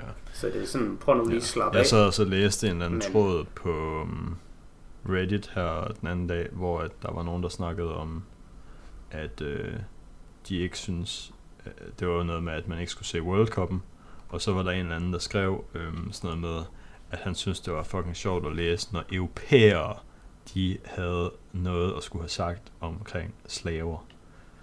Fordi hvis man er fra Europa, så kan man åbenbart ikke have en opinion på det, fordi vi har haft slaver for 200 år siden. Der har altså været trælle i Danmark. Ja. Så vi skal holde os fucking kæft. Ja. Det, det ved jeg så ikke, om jeg er enig i, at, at tage den hele vejen derud. Men jeg synes i hvert fald bare, at den her The Woman King, det var sådan... Shut the fuck up. It shut the fuck up Friday. Yes. Men jeg har rent faktisk set en anden film, der var utrolig nok sådan lige så dårlig, men på sådan en lidt anden mærkelig ja. måde, og som også er ret højt rated, fordi The Woman King er selvfølgelig højt rated, fordi det er en ny film, der er god for sorte mennesker. Mm. Men jeg har set den absolute legendariske film Halloween fra 1978. Og den er godt nok bare fucking ringe. den er sådan, jeg, kunne, jeg vidste ikke, hvad jeg skulle synes om den anden den her. Den er jo bare dårlig. Men, altså jeg vil sige, det har, det har jeg også skrevet det her i mit review, altså Halloween er for gyserfilm, hvad sådan Christian rap er for hiphop. Eller også så er den her gyserfilm, den er, hvad sådan sort peber er for krydder, øh, sådan for spices, for krydderi. Altså det er Altså sådan, fucking froderen. øh, ikke stærk, var det jeg Okay. mente. Men altså, sort peber er selvfølgelig godt. Men det er ikke stærkt. Men det er der jo nogle danskere, der synes. Hvis ikke, jo, det ved du. Du ved det faktisk Det netop godt. godt. Men der, er- der er jo nogle danskere, hvor det er sådan, hvis du, hvis du putter peber på deres hakkebøf, så vil de sige til dig, åh, oh, den er godt nok krydret. Uh, uh, Jamen, min, det er ligesom en hoster, den er godt nok min stærk. kæreste familie spiser basically ikke peber. Ja, det er for stærkt. Det er simpelthen for stærkt, det der peber. Men det er jo nok bare fordi, den er fra 1978, så sådan... Tingene har jo udviklet sig lidt. Det er jo lidt... øh, Det er jo sådan lidt ligesom... øh, Vi er jo for eksempel opvokset i den tid, hvor jeg vil mene, at øh, musikvideoer, de blev mere... Øh, mere og mere provokerende. Fordi nu kan du jo bare se Cardi B musikvideoer på YouTube, der bare er softcore porn. Men jeg kan huske dengang jeg var barn, og der var noget, der hed Boogie-listen, så havde Christina Aguilera og Britney Spears, de havde nogle musikvideoer, der bare var sådan, åh, oh, den der toxic, den, den går da godt nok lige til grænsen og lidt over, var. Og det gjorde den jo selvfølgelig i tidlige nuller, men det gør den jo overhovedet ikke i 2022. Yes. Og Halloween var godt nok bare en fucking joke. Altså, det var, det var sådan en eller anden mand, der gik rundt med en kniv, og så åbnede han en dør, og så var folk bare sådan, fuck mand, nu tror jeg lige, jeg dør. Og så kom de til at dø, og så er det sådan, okay. Det var, den, den var ubeskriveligt dårlig. fucking lortet film. Og grunden til, at jeg sidder og kører så meget ring over den, det er, at den er højt rated, og det er en klassiker, og folk kan lide den. Og det generer mig, at der ikke bare er konsensus omkring, det her er det værste mm. i verden. Fordi det er det. Så det har jeg forhåbentlig fået, fået udtrykt mig meget kraftigt omkring nu. Det, det, det er faktisk ærligt talt til grin, at den her film, den, den bliver set i en moderne verden. Den burde bare blive glemt i tiden. Men det bliver den jo ikke. Bliver den ikke, nej. Det er for dårligt. Så har jeg set tre andre dårlige film, dem har jeg slet ikke så meget at sige til. De to af dem. Den ene, der er sådan en lidt mærkelig film, der hedder Dangerously Asens, eller Lasens, eller jeg ved ikke, hvordan man udtaler det ord. Men jeg tror, det er sådan et, et synonym for relationships. Og det er sådan en film, hvor John Malkovich, han skal spille sådan en sexy British suitor, og gå og charmere britiske øh, Det- fine Dangerous Liaisons. damer. Ja, Det er et rigtigt og ord. øh, ja, det er sådan en lidt mærkelig film, der sådan fucking ring. En liaison, det er sådan en, der er faciliterer kommunikationen mellem to forskellige grupper. Okay, jamen det er cirka det, han gør. Farligt. Den føles sådan lidt som, den, den er sådan, den er sgu bare for underlig. Det er underligt dårlig. Ja. Og så har jeg set Teenage Mutant Ninja Turtles. Den er fra 2014. Ja, Og den var selvfølgelig dårlig. Men øh, jeg så den også bare en film, hvor jeg følte, jeg havde lige to timer, jeg lige skulle få til at gå. Så der så jeg den. Og så kom jeg i tanke om, jeg tror faktisk, jeg har set den her før. Jeg tror, jeg har set den en gang på et fly på vej til Thailand. Eller det sådan er sådan en terrible film, og har set to gange i sit liv. Ja, ja. Og øh, jeg synes selv, mit review er rimelig komisk, fordi det, øh, jeg, synes, jeg tror, den var bedre at se på et fly på vej til Thailand, mens jeg sov, end det var, da jeg så den her for nylig. Det var det nok. Og så kommer den film, vi rent faktisk kan tale om. Ja, Sorte Adam. Den har jeg så valgt at give Black 2 af Adam. 10. den Ja. var heller ikke god. Og jeg, nej, men jeg synes heller ikke, den er så dårlig, som det lyder til, at jeg har rated den til. Men jeg øh, tror, at det, det er ikke den film, der har fået mig til at opdage det. Men det er den film, hvor nu er femøren endelig faldet. Altså, jeg har godt nok cape fatigue. Mm. Jeg synes, Black Adam var bare... Altså, den føltes som en, en pligt at se. Det var mere som om, at jeg så den, fordi når en øh, ny superheltefilm, DC-universet, Marvel-universet, jeg skal jo se den for at følge med -agtig. Og jeg synes ikke, den var dårlig, men den var sådan, jeg, jeg føler lidt, vi var tilbage til sådan noget 2004 Daredevil-agtig superhelte periode. Altså, Den var bare så ligegyldig, og den var så generic, og den var bare sådan, blæh. Ja. Men det er ikke sikkert, jeg ville have syntes det, hvis jeg havde set den i 2012, dengang øh, sådan en superheltefilm var på sit højeste. Der kan altså, det er jo svært at sådan "Åh, ja." separere fra øh, den tid, man har set den på, fordi man, vi har jo bare set den på det tidspunkt, vi har set den på, og så er det svært at sige, hvad man ville have synes om den, hvis man så den på et andet tidspunkt. Ja.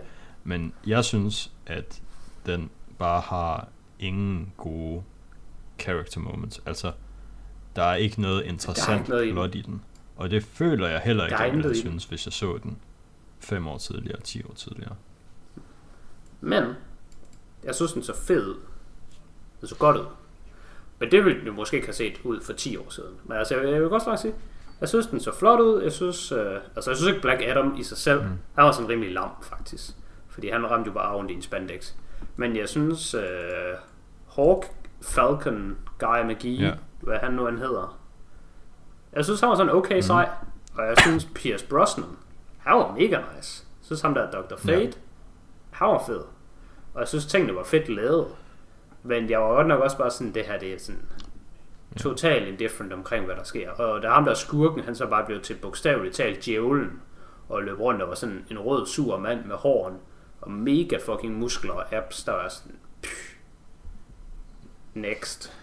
Ja. Jeg synes faktisk, øh, jeg synes den var grim, faktisk. Jeg synes color gradingen var helt whack. Den var sådan, den havde alt for meget af det der fucking Mexico-filter. Og Mexico, så- der var noget og så orange. var der, men så var der også bare, altså udover at der sådan var taget en, en, en designbeslutning, som jeg synes ikke var god, så synes jeg også bare, at den var øhm, sådan en uprofessionel en gang imellem. Der var bare sådan scener, hvor at der var nogle sådan highlights, fordi der var ting, der havde sol på sig, eller whatever, hvor de bare var sådan fuldstændig blown the fuck out, hvor det bare var sådan, okay, det her er bare hvidt, og du kan ikke se, hvad fuck der foregår i det der highlight. Der var, der Ja. var bare shots deri, der var dårlige, synes jeg. Ja, det kan også være, der er gået lidt min næse forbi, fordi jeg sad faktisk næsten mere på telefonen under filmen, end jeg så den. Um, og du har jo selvfølgelig været lidt mere Ja, altså jeg så den i biografen. til at følge med. Altså hvis man ikke Ja. øh, hvis man ikke ved hvad jeg snakker om, så kan man prøve at bare google phrasen blown out highlights og så kigge på nogle af de billeder der, og det var der hele tiden i den her film. Okay. Men det kan også være, at den ikke var så flot igen, hvis man fulgte med. Men jeg fulgte med. Det var bare en gang, så kiggede jeg og tænkte, Nå, det, det, det her det er da sejt nok, men jeg er stadig ligeglad. Og så sad jeg bare og random doomscrollede, indtil jeg ventede på filmen var slut. Så har jeg været forbi alle mine øh, sådan virkelig øh, Ja. bunden film. Øhm, jeg tror ikke, jeg har set noget i den her måned, som jeg synes er virkelig bunden. Har du nogle, øh, nogle ting, ikke midterting, for dem synes jeg ikke er værd at nævne, men mindre Ja. det sådan er ting, der er værd at nævne. Jeg har uanset en, hvor de en, var øh, havnet. en, en kind sådan øvre midter. Jeg var lidt i tvivl, om jeg skulle give den 6 eller 7. Øh, men den er værd at nævne, mm. Fordi det er den nye, Dylan, øh, den nye film fra Disney, den nye Dylan fra Disney. Øhm, Strange World. det er Disney Dillman. Ja, som hedder et eller andet, en, den for, en forunderlig verden, eller sådan noget på dansk. Men øhm, Yes. den er fucking bombing ved den globale box office. Den tjener, der er ingen, der er inde og se den film. Den har jo også 4,9 på IMDb, hvilket er, altså det er jo en fucking tragedie, hvis man ved, at en dårlig film, altså vi ved jo, vi ved, jo- vi ved jo godt, at en sådan kind of dårlig film på IMDb, den har måske bare 6 ud af 10. Så hvis man er nede Ja, ja, altså, under man- 5, så er der et eller andet Men fuldstændig det er faktisk der, hvor jeg begynder at tænke, det, når den er under 5, så begynder jeg faktisk at tænke, at så er der lusk med i spillet, Yes. hvis Men. Fordi det var en også- dårlig film på ja. IMDb, den har 5,8. Yes. Da jeg tjekkede den i går, der var det med 5.000 stemmer, hvilket ikke er særlig mange. Og jeg ved for a fact, at den er blevet lidt reviewbommet, fordi at der er en karakter der i, der er homoseksuel. Og det kan, Okay. det kan normies åbenbart ikke kapere, at der er i deres Altså, film.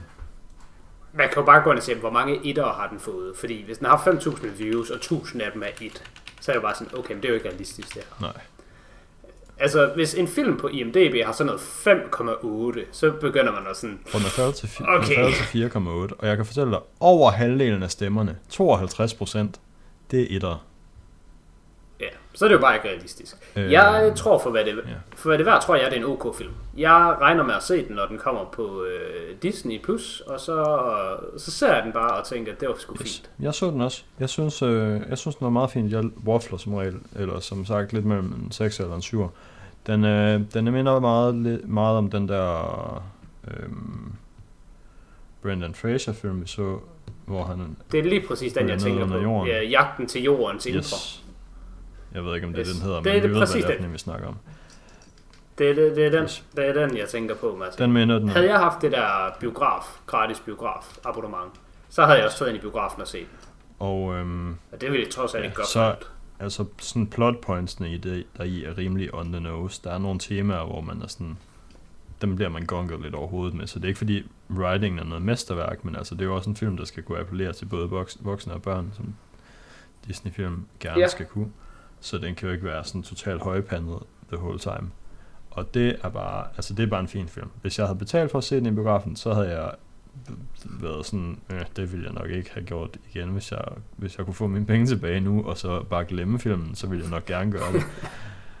Men givet at jeg så den gratis, så var det en fin oplevelse. Hmm. En, øh, en film, som jeg ikke har givet så højt, men som har rigtig meget øh, god boss omkring sig. Det er en film, der hedder Barbarian, som er en gyserfilm. Mm. Uh, den fik jeg set her i starten af november. Um, den handler om uh, en Airbnb-hytte, hvor der kommer til at ske en dobbeltbookning. Så først så er der en mand, han er derinde, og så banker hende og kvinden på, og så, yes, okay, vi skal bare begge to være her. Og så er der sådan lidt noget, fordi det er en horrorfilm, så er der en stemning, der virker til at være uhyggelig, men det er den jo kun, fordi at de spiller uhyggelig musik i baggrunden. Mm. Og havde det været en comedy, så havde de bare spillet hyggelig musik i baggrunden, og så havde de bare flyttet og haft det godt. Ja. Så det er sådan lidt til at starte med sådan, øh, den her film er jo ikke uhyggelig. Den er jo bare uhyggelig, fordi du får at vide, du bliver manipuleret ind i, at den skal være uhyggelig. Og så senere hen, der bliver den så lidt uhyggelig. Men jeg er stadig lidt uforstående over for, hvorfor den her den skulle øh, være så højt rated, og folk så godt kan lide den, og alle mulige ting. Men den har bare bare ramt virkelig god plet for folk. Jeg forstår det ikke. Jeg synes, den er sådan rimelig tame. Men den, den har scoret meget højt, men det er ikke sikkert, at du lige bevæger dig inden for jeg har godt læst om kategorien. Været inde og kigge okay. på den. Men, øh... Jeg synes bare, den er, synes bare, den er fin. Ganske ok. Men jeg er meget uforstående over, for den kunne få så meget boss, som den gjorde. Mm. Og så er der også noget lidt mærkeligt der i noget af det, der måske trækker lidt mere ned for mig også. Altså for det første, så synes jeg overhovedet ikke, det er en, det er en gyserfilm. Det kunne være en thriller, I guess, men den er overhovedet ikke sådan en horror. Mm. Og så er der sådan på et tidspunkt, hvor hende øh, pigen, hun, der har været fanget, hun flygter så, og så møder hun politiet, og sådan sådan, hey, politi, hjælp mig. Mm. Og så er sådan, wow, du så godt nok fucked ud, vi skal snakke med dig, din drug addict. Og så er hun sådan, men jeg er ikke en drug addict, jeg er bare fucked ud, fordi jeg har været kidnappet i et par dage, og nu er jeg lige flygtet. Mm. Og så siger politiet ind, ah, det er typisk drug addict at finde på sådan noget der. Vi gider ikke det der fucking pis. Og det kan godt være, at det er bare mig, der er for europæisk og naiv til at sådan tro på, at det er virkeligheden. Men det, det faldt godt nok meget sådan min... Det lyder rimelig lamt. Suspend my disbelief, den forsvandt i hvert fald fuldstændig der. Altså, det er jo bare ikke sådan... Sådan er det jo bare ikke. Men det kunne godt være, at det var sådan lidt en mhm. politisk vinkel til, at hun er en sort kvinde, og politiet, de var nogle hvide mænd. Og så var det sådan lidt, hey, sådan, vi lytter ikke til et folk. Jeg synes i hvert fald bare, det var lamt. Så det trækker også sådan overordnet en stjerne ned. Der tænkte jeg, hvad sker der nu her? Og det fik mig faktisk til at tænke på, at der er en film, jeg ikke havde nævnt, som selvfølgelig skal have 1 ud af 10. Men den så jeg i går, så jeg har ikke fået rated. Mm. Og den hedder Pray for the Devil. Også en gyserfilm. Den vil jeg nok, som film vil jeg nok give den 5 ud af 10. Den er også en fin nok at se. Men den generede mig grænseløst hele tiden, fordi det overordnede plot, det var sådan et religiøst plot. Mm. Så den handler om, hvordan katolsk, den katolske kirke har uddannet øh, præste gennem flere tusind år til at være sådan nogle hemmelige exorcist mm. øh, dæmon øh, uddriver.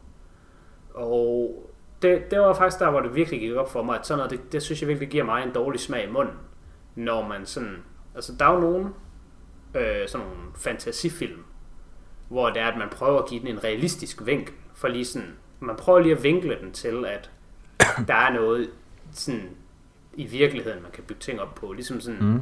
når Christopher Nolan, han finder på hans, øh, hans ting, der ikke virker i virkeligheden, så prøver han alligevel lige sådan, hvis nu mit sci-fi, det virkede i virkeligheden, så, så prøver vi lige at sådan grounde det på den her Mm. måde. Og det gjorde den her film jo så bare med øh, religion, og det føler jeg bare, det sådan, jeg føler, at det legitimiserer religion over for tosser på en måde, som jeg synes er problematisk at blive legitimiseret. Eksempelvis bliver der sagt på et tidspunkt, hvor at der er sådan en kvinde, der siger om et barn, der er besat af en dæmon. Så hun sådan, oh, please, what can we do for her? What can we do? We're desperate. Og så ham der præsten er sådan, well, if you really care for her life, the best thing you can do is pray. Mm. Og der er sådan, hold din fucking kæft med det der fucking lort. Det der thoughts and prayer piss, det er godt nok pissering. Jeg kan jo sætte den er 5,2 på IMDb.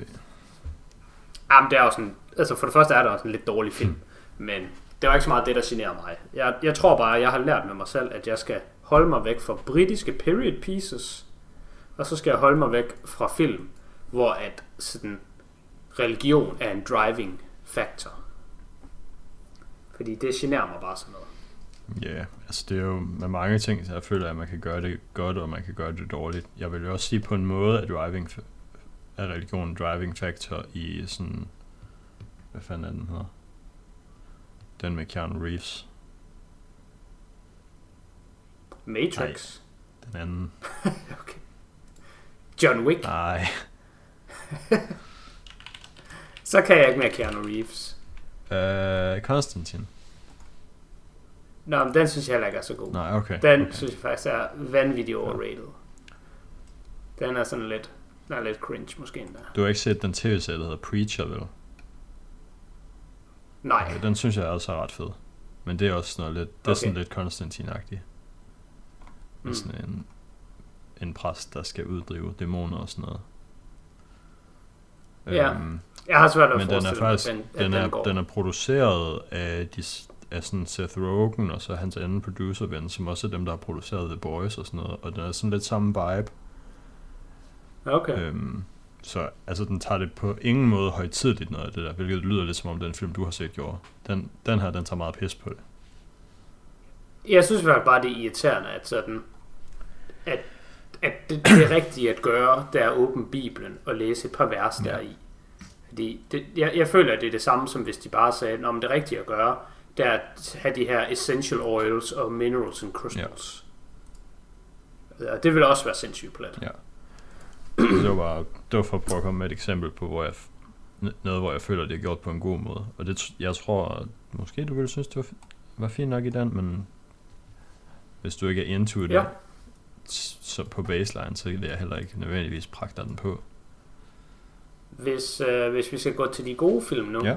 Så er der en, vi har set. Begge to. Så den kan du lige vente med, for så tager jeg lige noget før mm. den. Og lige for at wrap it up, så det går lidt hurtigere, så er der tre film, jeg lige putter ind i samme kategori her. fordi det er nogle, øhm, det er nogle, jeg har genset. Ja. Og det er nogle, man selvfølgelig godt ved er gode. Men jeg har lige genset dem for lige at tjekke, om de stadig er gode. Øh, og den ene, det er True Lies med den kære Arnold og James Cameron fra, er den fra 94? Ja, den er fra 94. Og den har jeg faktisk ikke set i, jeg ved ikke hvor mange år. 20 år, 15 år. Helt vildt lang tid. Mhm. Fordi hver gang jeg tænker, at jeg skal selv have noget virkelig god Arnold, noget god sci-fi, så plejer det at være Total Recall, jeg ser. Som jeg synes er en helt vildt god film. Ja. Men nu tænker jeg, nu skal jeg sgu give True Lies en chance. Og den var, jeg synes, den var rigtig god. Givet den 8 ud af 10. Super fin film. Mm. Den er bare Blood Diamond-testen. Den er straight Blood Diamond. Right. Så har jeg genset Inglourious Bastards. Mm.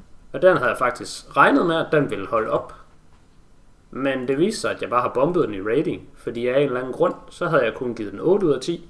Og nu har jeg givet den 9 ud af 10. Og jeg synes, den er næsten... Jeg tror, den kunne blive mit poster child for en 9 ud af 10 film.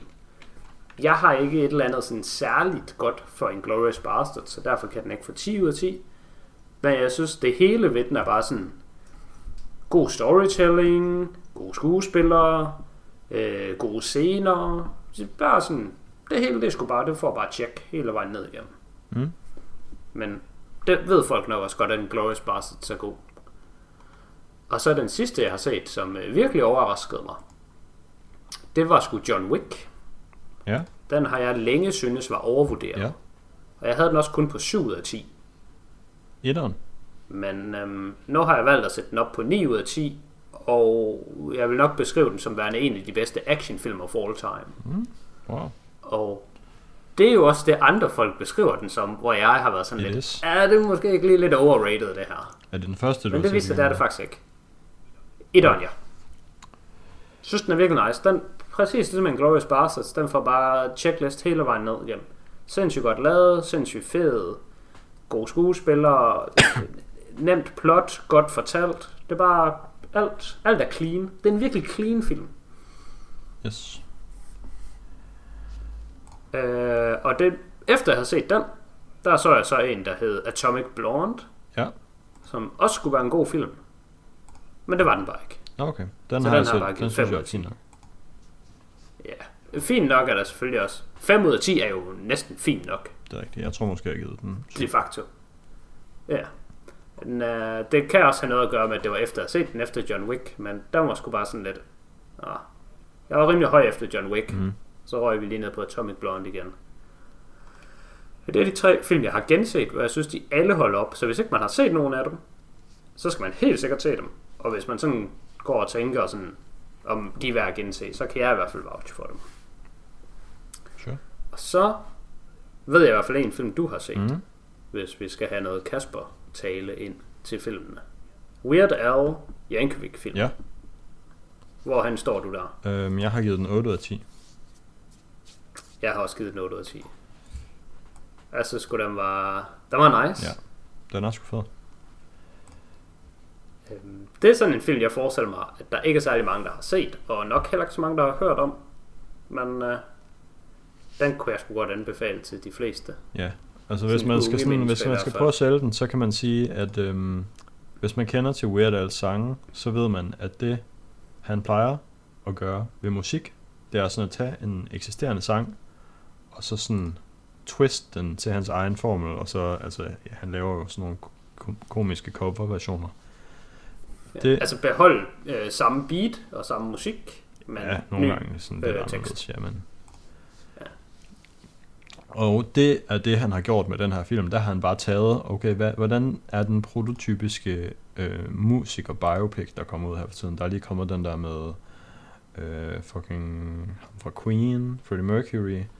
Der kom den der Rocket Man. Der kommer alle mulige musiker biopics for tiden. Og de føler, dem kan man godt føle, de har måske en eller anden rimelig veldefineret formel. Det her, det er Weird Al's version af sådan en film. Ja. Jeg hørte i et interview, at det der egentlig var inspirationen til det, det var, at dengang Biggie Smalls døde, der kom der sådan en biopic om ham. Og den var vist lavet lidt fast and loose with the facts. Okay. Og det inspirerede så ham, der har lavet den her film til, at det kunne være ret sjovt at lave en biopic, der virkelig var fast and loose with the facts. Så det lavede han en, øh, en minifilm af. Mm.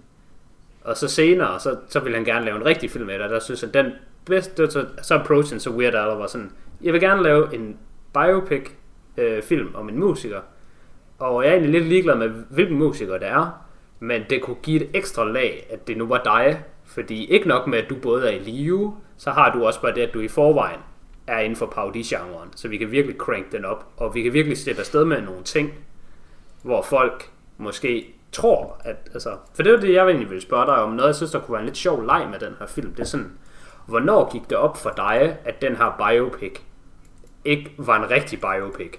Øhm, det vidste jeg Fordi inden. der...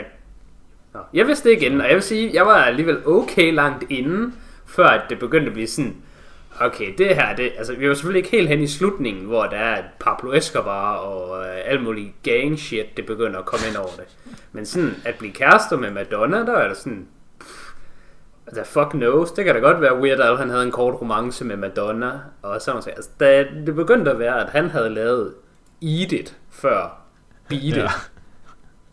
der er sådan, det, det ved jeg ikke, hvad sådan virkeligheden er. Men den kørte ret langt hen, hvor jeg er sådan, altså, det her det er jo ikke virkeligt, men altså, det kan da godt være, at der er noget om det. Så den fik mig sådan, I hvert fald måske det første kvarter ind i filmen. Og det synes jeg var ret sjovt. Uh, så hørte jeg også, der er også nogle af tingene, der så bare var rigtige. Så som den måde, han blev uh, introduceret til harmonika-musik. Det er ved, at der var en dørsælger, der gik og solgte brugte harmonika fra dør til dør. Okay. Og hans allerførste single, det var den der My Bologna. Og den optog han rent faktisk i øh, et offentligt toilet sammen med nogle af hans venner, fordi der var god akustik der. Ja, okay. Så det synes jeg alligevel, at det er ret sjovt, at, at de ting var ægte. Ja.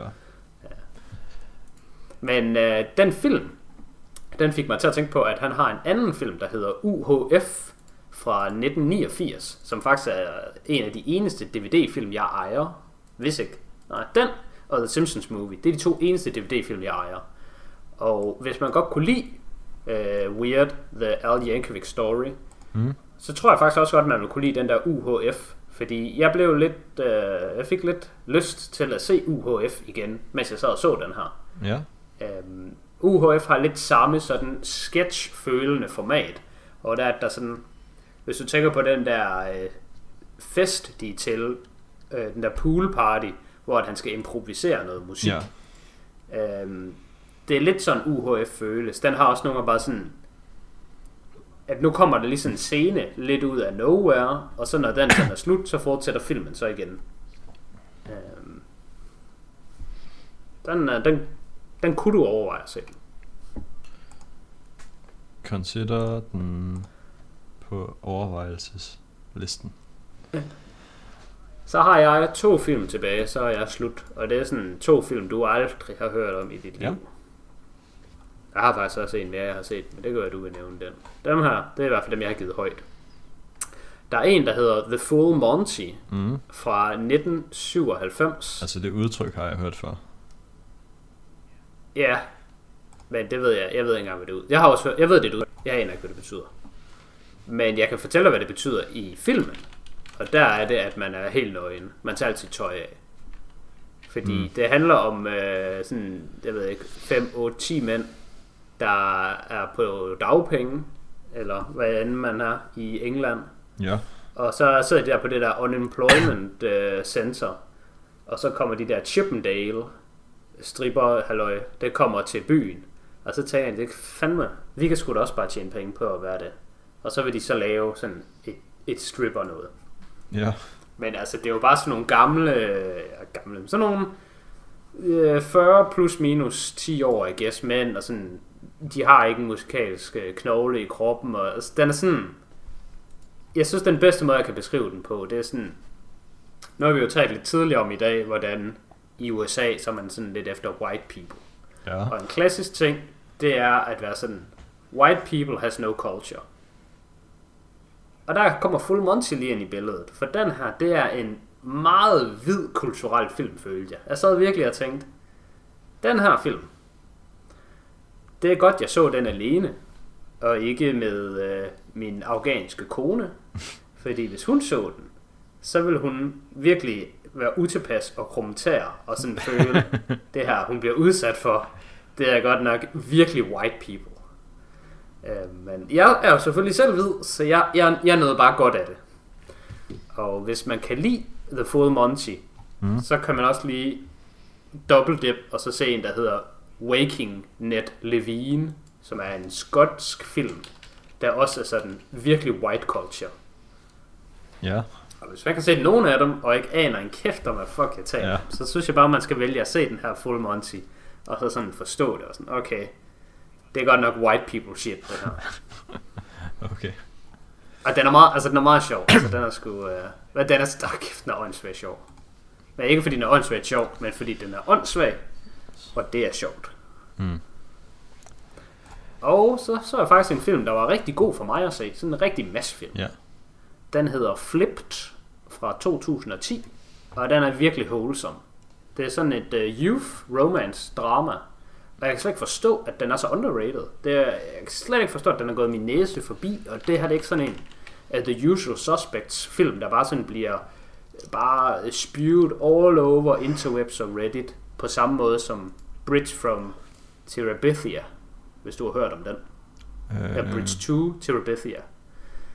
Jeg synes Flipped er næsten identisk til Bridge of Terabithia i sådan feeling. Det er sådan, det handler om nogen, der er sådan 10, 12, 14 år, drenge og piger, og så er der sådan lidt så er der sådan lidt feel good og lidt drama og lidt vi kan lide hinanden. Sådan. Det var sgu bare Ja, okay. en rigtig nice film. Ja. Og den var kun en time og 25 minutter, men det føltes bare som om, den var en helt fucking to timers affære. Og den var virkelig, virkelig fed fortalt, for der var to hovedpersoner. Og så skiftede den frem og tilbage mellem. Jamen, så så man lige hele skoleåret mellem drengens perspektiv, og så mellem pigens perspektiv.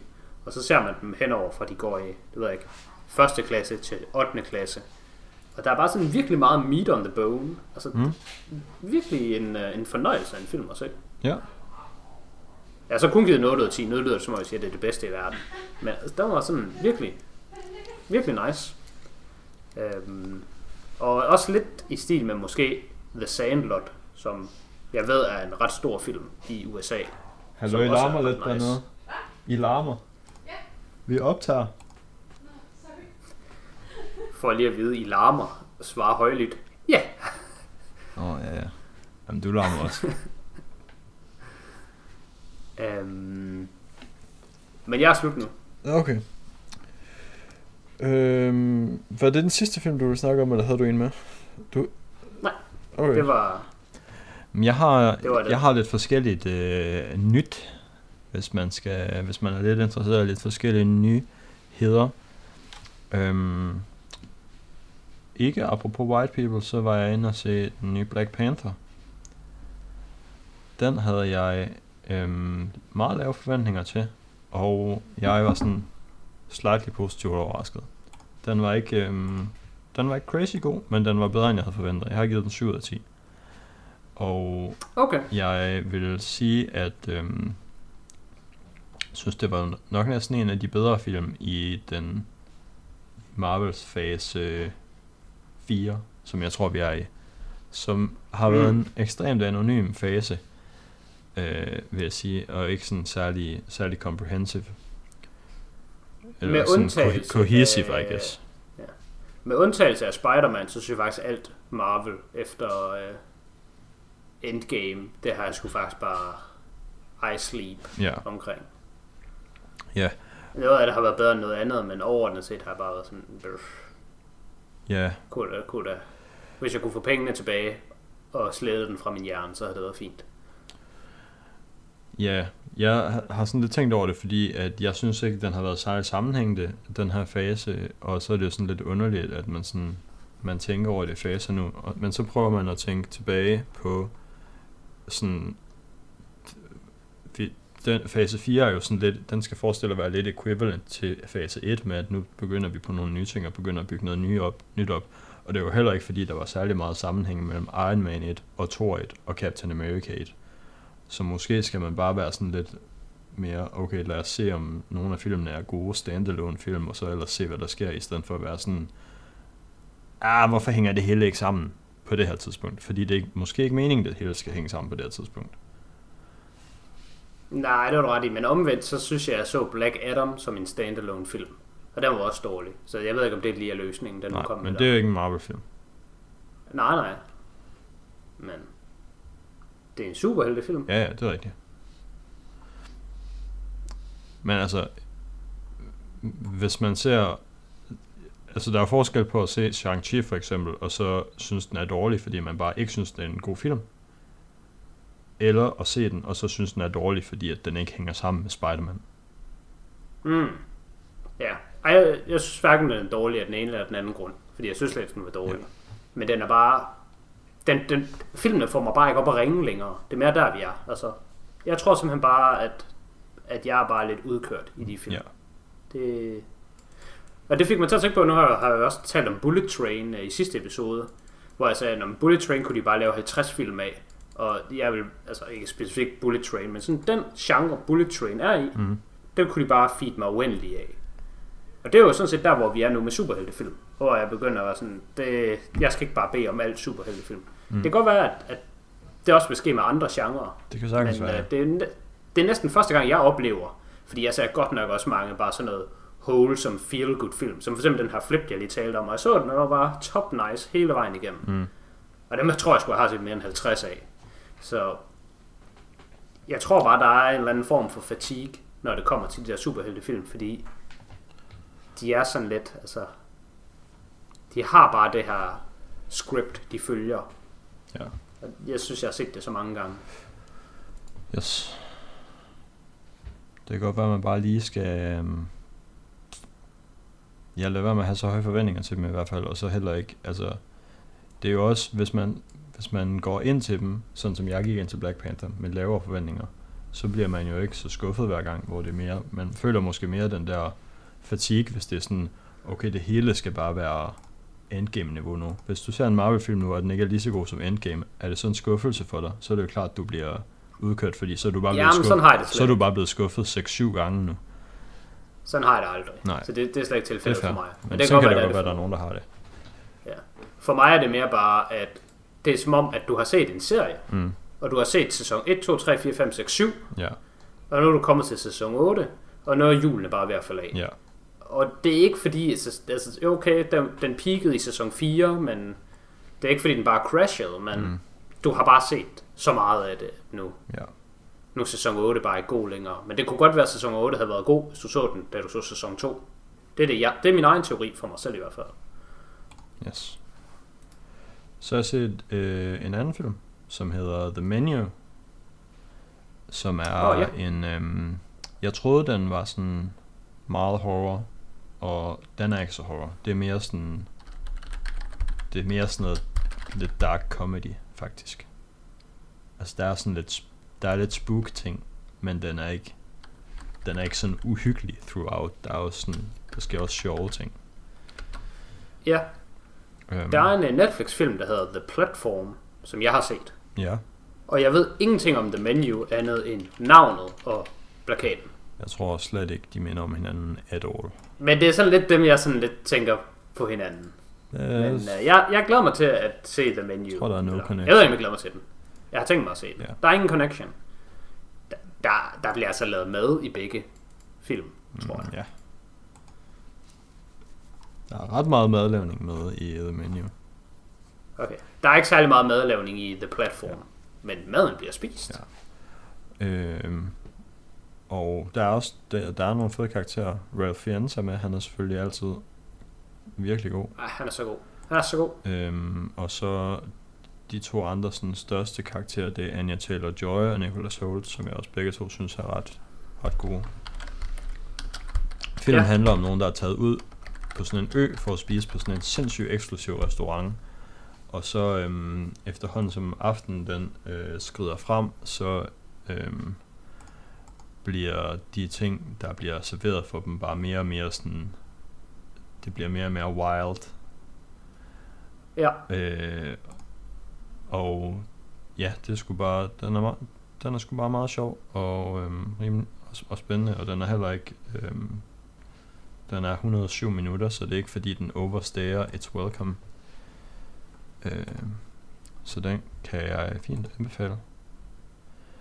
Det der, de første par retter, der synes jeg, den var sindssygt relatable, fordi nu øhm, er jeg så heldig, eller jeg ved ikke, om jeg vil sige, ja, det er heldig nødvendigvis, det er der nok mange, der vil synes er held, eller i hvert fald noget positivt for ens tilværelse. Men jeg har et arbejde, hvor jeg sådan relativt tit er ude og spise på sådan nogle kind of fancy restauranter. Nu siger jeg relativt tydeligt, men måske sådan en gang hver halve år eller sådan noget. Øhm, Det er også ofte. og jeg synes, at øh, min oplevelse med at være ude på de her restauranter, den var ekstremt vel portrætteret af Anya Taylor-Joy's karakter, fordi hun er også bare sådan, hvorfor kommer det her pis ind til os? Altså, skal vi, skal vi godt nok æde det her? Det smager jo ikke engang godt. Man bliver overhovedet ikke mæt. Og så synes jeg, at Nicholas Holt's karakter, han virkelig godt øhm, sådan embodyer de personer, jeg er ude på de her restauranter med, fordi de sidder altid og sådan, wow, det her er det fucking sygeste, det er sådan, jeg får en orgasme ind i min mund, og sådan, jeg har, kan du slet ikke appreciate, at du bliver serveret den her ting sammen med den her ting, og det er virkelig sådan mindblowing. Og jeg var sådan, mm, det smager dårligt, og jeg er sulten stadig. Jeg vil bare gerne have breadsticks. Yes. Der, øhm, hvis jeg lige, jeg kan spoil en ret, der bliver serveret. Det er rimelig tidligt i filmen, så det er ikke sådan en kæmpe spoiler. Øh, men der bliver serveret en ret på et tidspunkt i den her, som er bread without bread. Så får de sådan en tallerken, hvor der er bare sådan en lille smule ketchup og sådan lidt andet døbelse og sådan noget på. Og så skal de bare spise det der, fordi det er sådan en ting, man normalt ville få med brød, men brødet er der ikke. Og så fortæller han dem sådan, hvilket brød de skulle have haft. Og så kan de lige sidde og høre om brødet, imens de spiser det der ketchup, de har fået. Altså, jeg har, jeg har haft noget lidt lignende oplevelse, men bare på den gode måde. Jeg har været på KFC, Mm. hvor jeg har fået The Breadless Burger. Ja, Og det er så, i stedet for at der er brød rundt om som en burger, Ja. så er det bare en, øh, hvad hedder det, frityrestegt kylling, der er burgerbollerne. Og så er der jo ligesom stadigvæk øh, en bøf og ost og salat og alt indeni, som der skal være. Og så ellers bare to. Og det, det var faktisk, jeg ved ikke om du kunne forestille dig det, men det var faktisk godt. Mm. Men jeg tror måske også, jeg har prøvet den der på KFC. Det er så ikke, øh, det er ikke helt det, der er tilfældet her, men ja, det er meget sjovt. I hvert fald. Øhm, og så har jeg en sidste film, jeg har set, som jeg gerne vil nævne. Og det er, øh, det er måske endda den bedste film, jeg har set den her måned. Øh, det er i hvert fald, den er tied på 8 ud af 10, sammen med uh, Weird. Øhm, Ja. Og det er en, der hedder All Quiet on the Western Front, øhm, som faktisk er en tysk film, og originaltitlen er Im Westen nicht Neues, hvilket betyder lidt noget andet. Det betyder, at der er ikke noget, der sker ikke noget nyt i Vesten. Øhm, men det er en øh, tysk øh, film om Første Verdenskrig, hvilket er lidt spændende at se en tysk verdenskrigsfilm, fordi det er jo tyskerne, der er bad guys i dem, vil man jo sige, som øh, ikke-tysker. øhm, Ja. Men Det er det, det er bare ja, en rigtig velproduceret øh, krigsfilm på sådan produktionsniveau med 1917, Saving Private Ryan, Ryan og den slags i sådan det, det visuelle udtryk. Og det er en vinkel på, øh, altså for det første ser man ikke så meget World War 1. Det er 1917 selvfølgelig også, så der, altså, det var måske et dårligt eksempel. Men det er også bare en vinkel fra den krig, man ikke ser så tit. Jeg har ikke... Jeg, øhm, jeg kan generelt ret godt lide krigsfilm, og jeg har både Saving Private Ryan, tror jeg, og øhm, 1917 på sådan 10 ud af 10 film, og Band of Brothers er en af mine yndlingsserier of all time. Øhm, All Quiet on the Western Front når ikke helt derop, og jeg ved faktisk ikke helt, hvorfor det er. Jeg havde som sagt bare givet den 8 ud af 10. Ja, øhm, jeg tror, det er fordi, jeg er ikke helt connected helt så meget. Jeg er ikke helt så connected med nogle af karaktererne, eller der er ikke nogen af karaktererne, jeg synes er sådan helt lige så nice. Der er nogle gode karakterer her i, men øhm, jeg var bare ikke helt så investeret i, hvad sådan outcome af filmen var. Øhm, og det er sådan, ja, der er en del ting, det, det kan være. Det kan selvfølgelig være, fordi jeg op oppe i min hjerne ved, at tyskerne er skurkene, så jeg ved jo, at de skal tabe. Øh, det kan også være, at det er fordi, at øhm, filmen er på tysk, og jeg bare, man ikke bliver helt så connected med karaktererne på, på to timer, som man kan, hvis man forstår det sprog, de taler, eller det kan bare være fordi, at der ikke lige var nogen af skuespillerne, der klikkede med mig. Det er, lidt, det er svært at sige. Øhm, men jeg synes stadig, den var rigtig god, hvis man er hvis man kan lide krigsfilm, eller synes noget af det, jeg lige har sagt, lyder spændende, så vil jeg helt sikkert anbefale den. Og den er bare på Netflix. Ja. Jeg har ikke set den endnu, fordi jeg faktisk, jeg tror, at jeg sådan generelt ikke giver så meget for krigsfilm. Ja, Men det, der er er også, nogle det af dem, der huske, vi har snakket er- om. er, er gode. Jeg synes 1917 er god. Uh, der var sådan en, der hedder Hackshaw Bridge. Hacksaw, Den synes jeg også Hacksaw var god. Og Rich, ja. Og så synes jeg Saving Private Ryan, den er sådan, den er okay. Mm. Øh, men sådan, næsten hver gang jeg ser krigsfilm, så er jeg altid sådan, ja, det var sgu, det var sgu bare kedeligt. Øh, så det er derfor, jeg har ikke lige givet den her endnu, men det kan godt være, jeg gør. Altså hvis det kan carry, at den er- er virkelig godt lavet og flot, så øh, skal man bare straight in. Og så hvis, hvis der også skal lidt andet til, så kan man jo lige tænke over det i hvert fald. Ja.